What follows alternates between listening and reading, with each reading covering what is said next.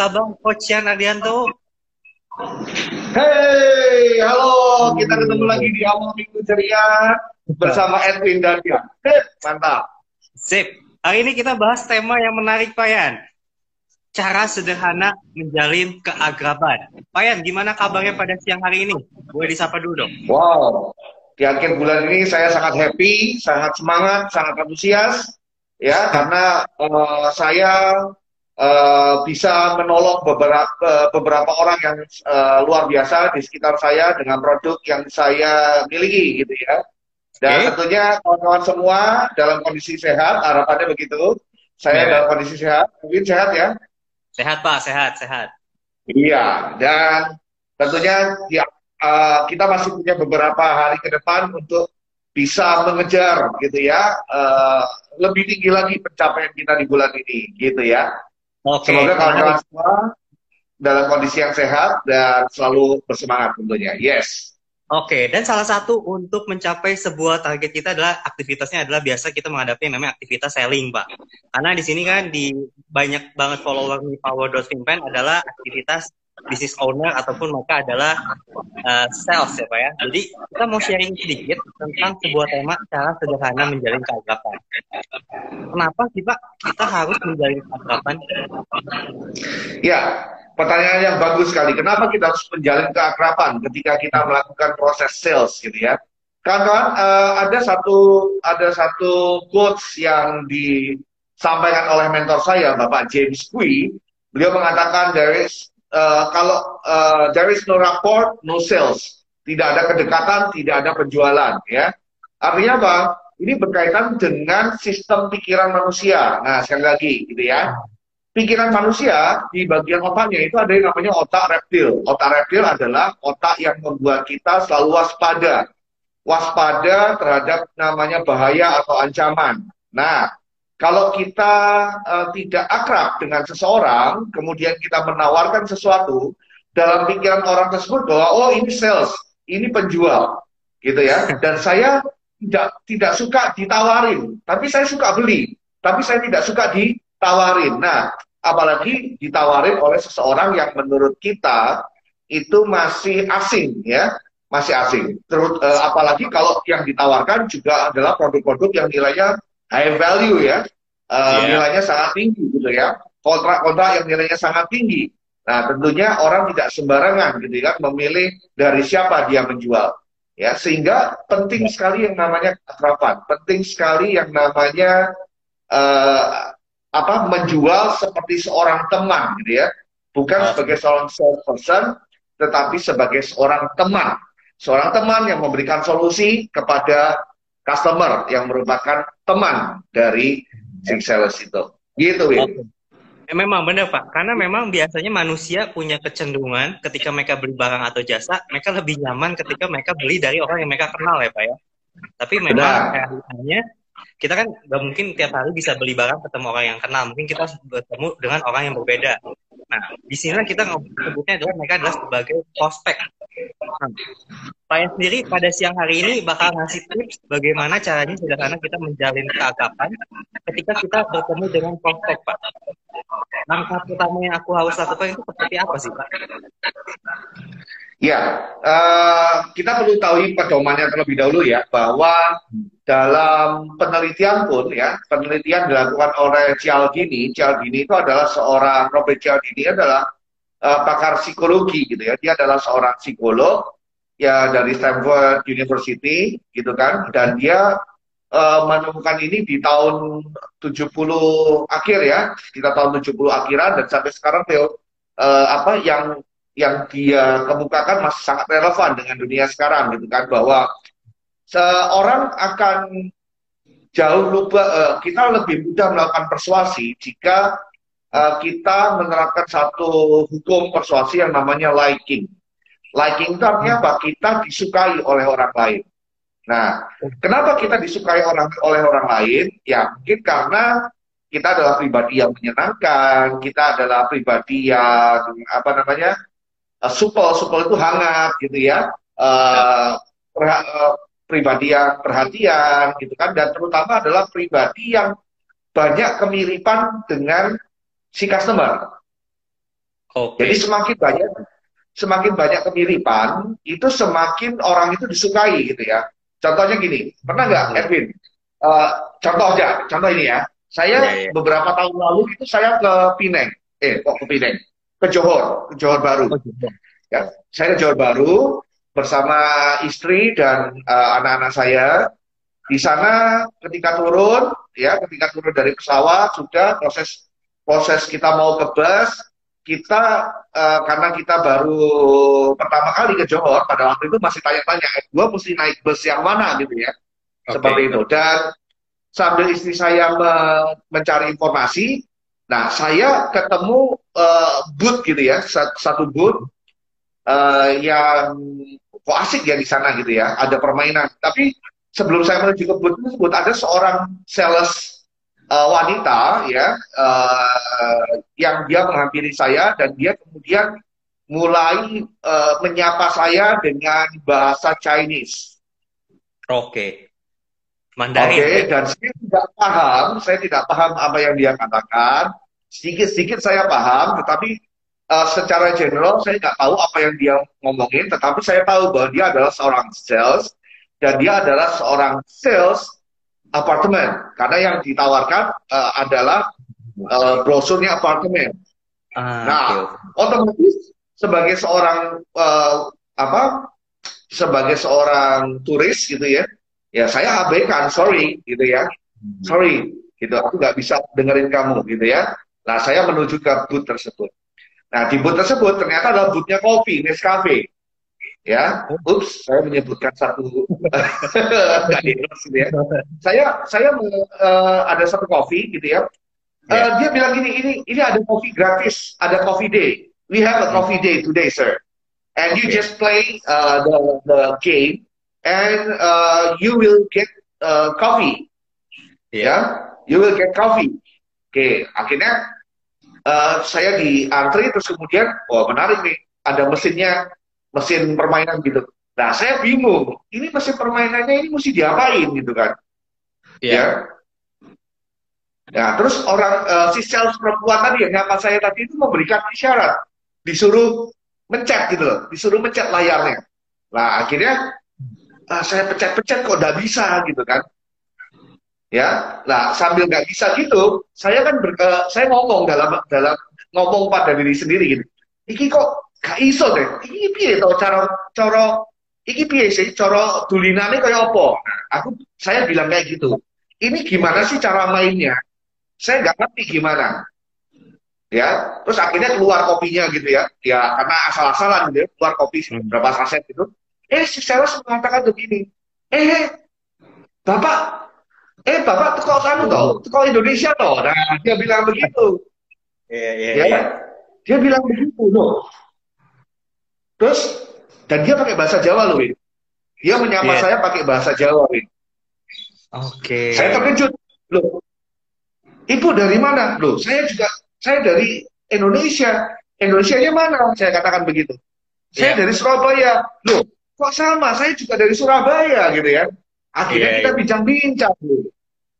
Ya, akhirnya kita bincang-bincang ya uh, uh, akhirnya dia punya kesempatan untuk bercerita pada saya tentang proyeknya dia gitu ya seperti itu ya yeah. tapi ya karena saya tidak tidak terlihat membeli apartemen apalagi di luar negeri ya saya katakan sorry gitu ya nggak bisa gitu ya aku nggak nggak nggak bisa beli kamu gitu kan dan aku memang oh. tidak punya rencana untuk itu gitu artinya apa yang kita bisa beli ya. ketika yeah. orang itu sama dengan kita blocking kita itu langsung runtuh Oh iya iya. Nyaman ya, Pak? Iya. Nyaman. Iya, jadi nyaman. Pernah nggak ketemu di suatu tempat yang asing, kalian ketemu sama orang yang sedaerah sama kalian? Oh, jauh akan lebih nyaman. Orang itu akan trustnya akan lebih meningkat. Kedua apa? Kalau ketemu sama orang yang hobinya sama, ya, okay. bintang K-popnya sama misalnya. Oh, kamu suka Blackpink? Oh iya, saya juga suka Blackpink suka uh, sama-sama sama-sama hobi sepak bola, sama-sama iya. hobi goes, sama-sama hobi ngopi, ya langsung connect, gitu yeah. kan? Entah kenapa cara chemistry itu orang itu jadi lebih loh, lu sama kayak gue gitu kan? Nah seperti itu. Itu yang dikatakan oleh Robert Cialdini gitu ya. Kesamaan akan membuat kita menjadi lebih percaya pada orang. So kawan-kawan, tips yang pertama, Edwin, tips yang ya. pertama adalah ciptakan atau cari kesamaan-kesamaan antara pribadi kita sebagai salesperson dengan klien kita atau uh, nasabah kita atau customer kita, prospek kita. Oke, cari kesamaan. Ya, seperti itu. Biasanya kenapa uh, di awal ketika kita menjadi seorang salesperson yang baik, tentunya kita nggak langsung todongin proposal, nggak uh, langsung todongin penawaran gitu kan. Kita jalin dulu gitu kan keakraban gitu kan. Kita jalin terlebih dahulu perkenalan. Kita mencari tahu apa kesamaan-kesamaan yang kita bisa bangun. Oke. Okay? Oke. Okay. Nah, Pak, seperti itu. Jadi bisa. ini maksudnya ketika kita mencari kesamaan, benar nggak uh, di persepsi aku ketika aku ketemu prospek aku sering lebih banyak bertanya daripada kita pasif ya untuk awal-awal awal-awal tentunya kita yang harus cerita dulu gitu kan. Okay. karena orang itu kalau ditanyain kesannya juga ngapain lu? gitu kan. Ya. Yeah, yeah, yeah, ngapain? yeah. gitu kan. Apa yang tanya-tanya? gitu. Lebih baik saya cerita gitu pak hobinya apa? Kalau saya hobinya adalah misalnya pak aku suka Pak, aku sekarang goes loh Pak. Bapak juga suka main sepeda dah Pak. Kemarin saya habis goes ke Anyer. Wow, luar biasa sekali Pak. Dengkul rasanya mau copot Pak.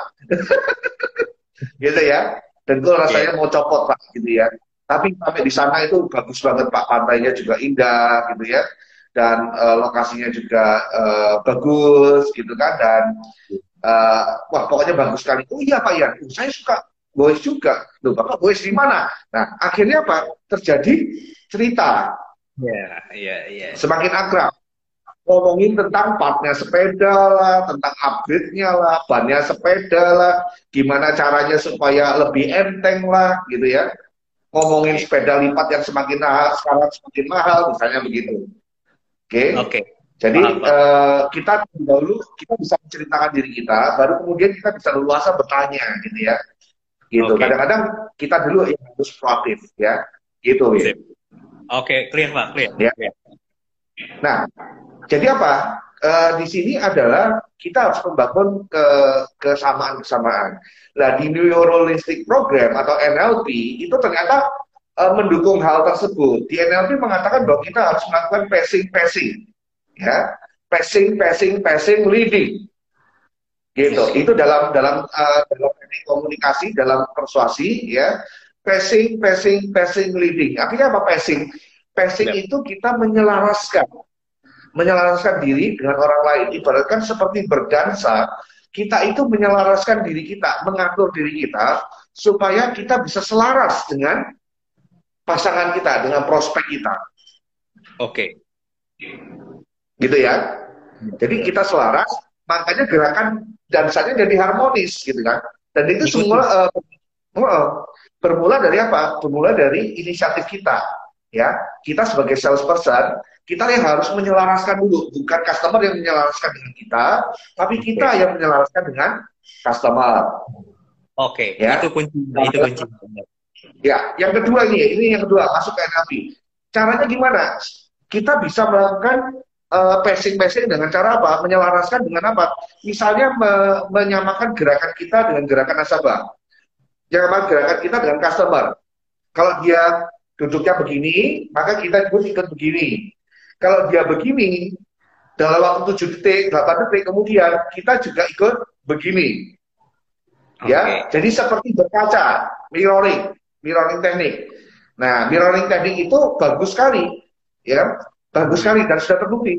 Kalau Edwin sering mengamati misalnya Presiden Obama atau presiden-presiden dunia lain gitu ya, ketika mereka berbicara dengan presiden yang lain gitu ya, ya gerakannya sama, posisinya posturnya sama. Ketika yeah, yeah. membungkuk sambil begini gitu ya, juga semua uh, begini gitu ya. Coba amati beberapa foto. Dan mereka terlibat dalam satu perbincangan yang sangat akrab. Oke, okay? nah jadi itu adalah uh, teknik kedua yaitu melakukan mirroring ya, melakukan mirroring. Oke. Okay. Ya. Seperti itu, Oke. Okay. Nah, nah, ada pertanyaan mungkin.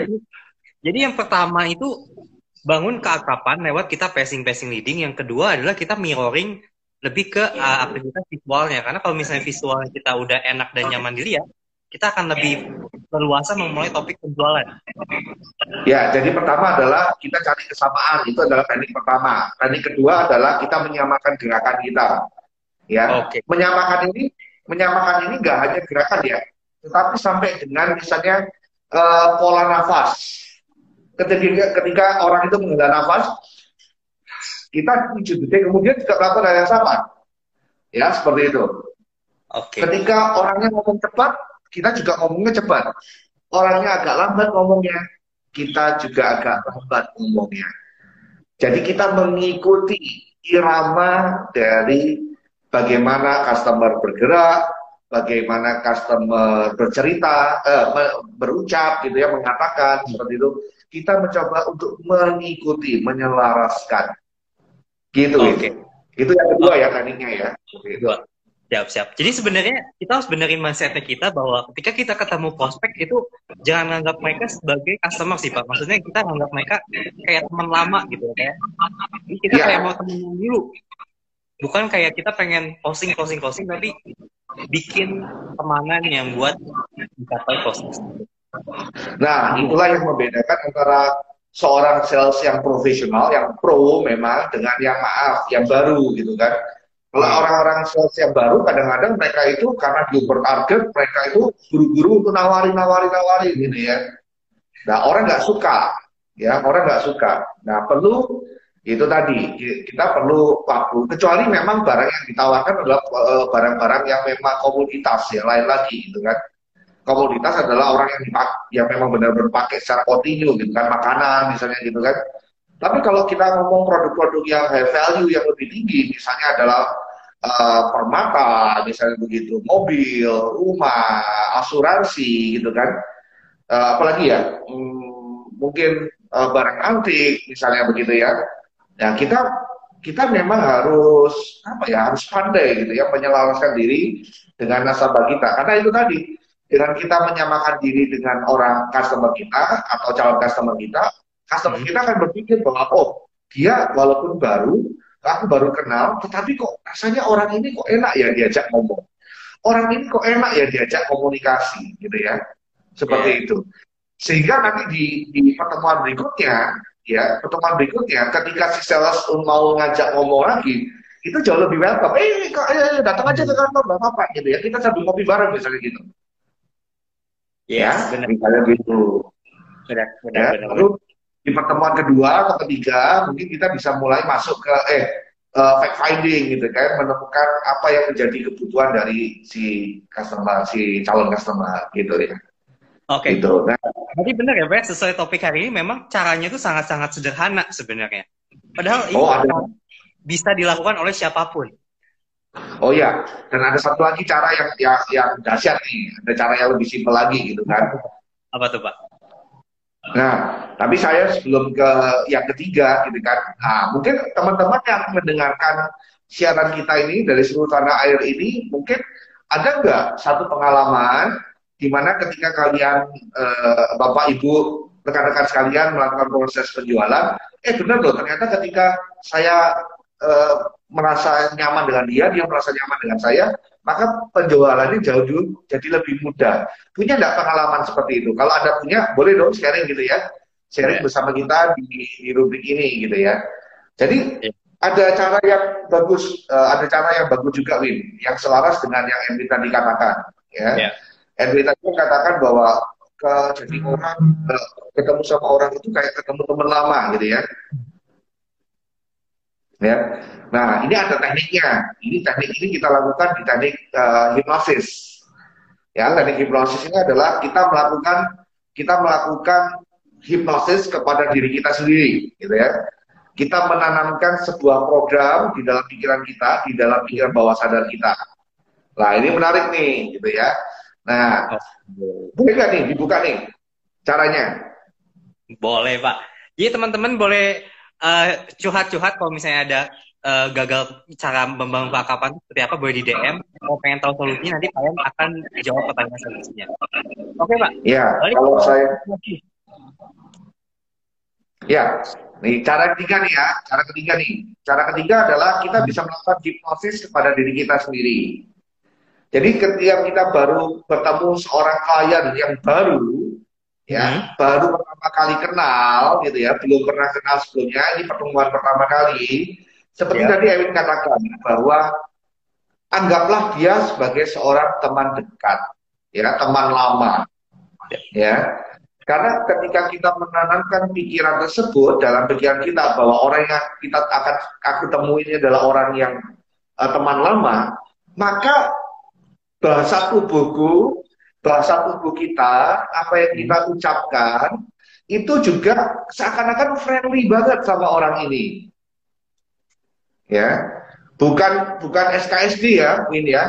Kalau SKSD itu kelihatan banget gitu kan maksa gitu kan, seperti itu, ya kan? Ini ini ini ini bisa bisa kalau kita melakukan hipnosis kepada diri kita itu bisa benar-benar natural ya ya benar-benar natural. Caranya begini ketika anda mau ketemu sama misalnya ya anda ketemu sama uh, uh, calon customer besok gitu ya malamnya anda coba tenangkan diri atur nafas gitu ya. Terus kemudian anda bisa melakukan ini. Anda mengimajinasikan oke okay, bawalah diri anda kepada sebuah momen di mana anda ketemu seorang sahabat teman bener-bener temen koncoplek ya orang Surabaya bilang itu koncoplek. Ya temen ya. dan bayangkan kalian berdua kita berdua itu sedang ngobrol-ngobrol gitu ya pejamkan mata dan imajinasikan panggil uh, pengalaman-pengalaman yang masa lalu di mana kita ketemu sama orang ini teman akrab kita dan kita berbicara dengan hangat dengan sangat nyaman dengan penuh kehangatan gitu ya. Uh, kita tertawa bersama, kita apa namanya uh, berbagi share informasi bersama, mungkin kita membawa uh, oleh-oleh buat dia, gitu ya, kita makan bersama. Itu imajinasikan di dalam di dalam pikiran kita, alami kembali peristiwa itu, seakan-akan itu saat itu terjadi, Anda bicara dengan orang dan Anda teman dekat dan Anda ngobrol dengan hangat sekali. Ya. Dan rasakan moodnya naik, melarutlah atau mengalirlah bersama imajinasi Anda. Oke. Okay. Okay? Bawalah diri Anda, pikiran Anda itu masuk ke dalam imajinasi Anda dan ikutlah bermain di dalamnya. Itu kan nikmati setiap momen kebersamaan di dalam imajinasi ini. Hayati dengan sungguh-sungguh sampai muncul ada satu mood ya satu satu mood saya katakan ya mood satu state ya. Di mana ya. anda begitu nyaman begitu hangat berkomunikasi dengan dia. Sambil sambil itu sambil anda uh, apa menikmati tersebut anda melakukan proses anchor. Proses anchor adalah misalnya anda bisa membayangkan sebuah warna gitu ya. Atau anda membayangkan warna, misalnya warna merah misalnya atau warna Tosca misalnya seperti ini ya. Ya, ya Anda uh, bayangkan warna Tosca seperti itu. Sambil Anda menikmati kehangatan perbincangan seperti itu. Atau sambil menikmati perbincangan dalam imajinasi Anda, Anda misalnya uh, lakukan satu gerakan, misalnya melakukan gerakan ini. Ya. Oke. Okay. Ya. Ya, ini kan ini gerakan yang uh, apa namanya? Ini gerakan yang aneh sebenarnya gitu kan. Iya. Ya, ini telunjuk. Ya, seperti ini. Sambil Anda mengingat kembali masa uh, percakapan-percakapan yang hangat tersebut, ya. Sambil tekan begini. Iya, iya, iya. Oke. Ya. Iya. ya, seperti ini. Oke okay, yes. ya, seperti itu. Sambil nikmatin terus, ya.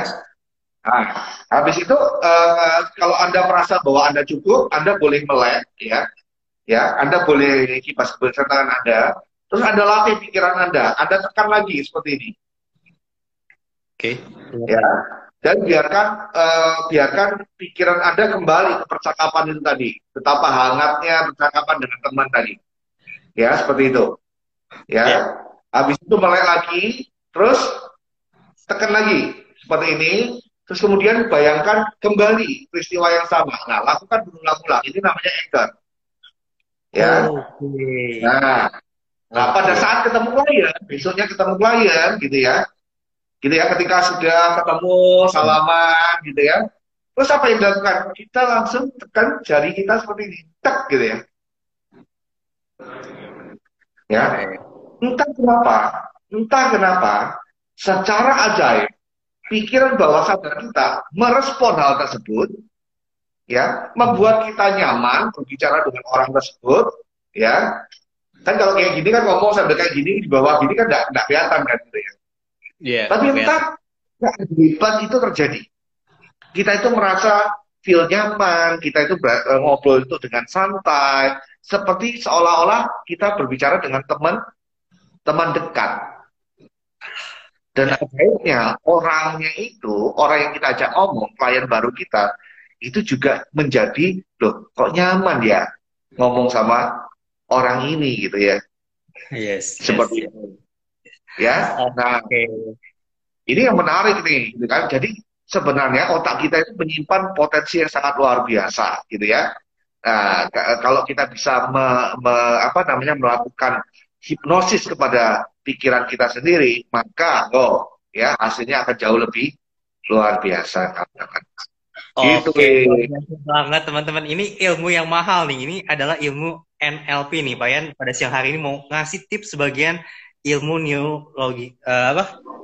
NLP ya, Pak ya. Jadi kita menghipnosis nah. diri kita gimana kita mengimajinasikan ketemu teman lama dan itu kita bisa mengaplikasinya ketika kita ketemu prospek kita. Dan sebenarnya di awal agak susah, tapi kalau kita ngelakuin secara terus menerus praktis, akhirnya itu akan bisa menjadi lebih nyaman buat kita. Mungkin di awal susah mungkin ya Pak ya, tapi kita bisa melakukan ini secara terus menerus, praktis by doing maksudnya seperti itu Pak. Ya, semakin sering kita melakukan, tentunya uh, sistem jaringan saraf kita akan semakin uh, mudah mengakses gitu ya, sehingga kita perilaku tersebut itu akan semakin lama semakin mudah dilakukan. Dan ah. kelak ketika Anda sudah melakukan berulang-ulang, Anda akan merasakan bahwa itu sebagai sebuah kebiasaan. Dan ketika Anda ketemu sama orang baru, entah kenapa orang itu akan menganggap bahwa Anda sangat friendly sekali gitu ya. Anda ya. sangat menyenangkan sekali, pribadi yang sangat menarik sekali gitu. Ya, seperti okay. itu. Oke. Okay. Jadi luar biasa banget uh, tema pada siang hari cara menjalin keakapan. Jadi udah yes. sharing cara simple, cara simple banget. Mungkin teman-teman ada yang kelewatan, teman-teman nanti boleh nonton lagi IG TV ini kita save.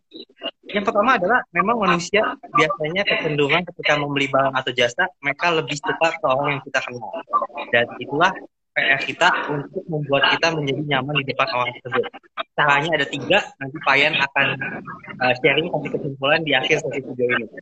Menarik Payan, boleh dikasih closing statement nih Pak tentang tema pada Oke, okay, cara sederhana menjalin keakraban. Ya, satu, ya kita carilah terlebih dahulu anda bisa searching, Anda bisa uh, cari tahu gitu ya dari orang-orang dekatnya calon customer Anda tentang apa yang menjadi uh, apa menjadi hobi atau kesenangan gitu ya.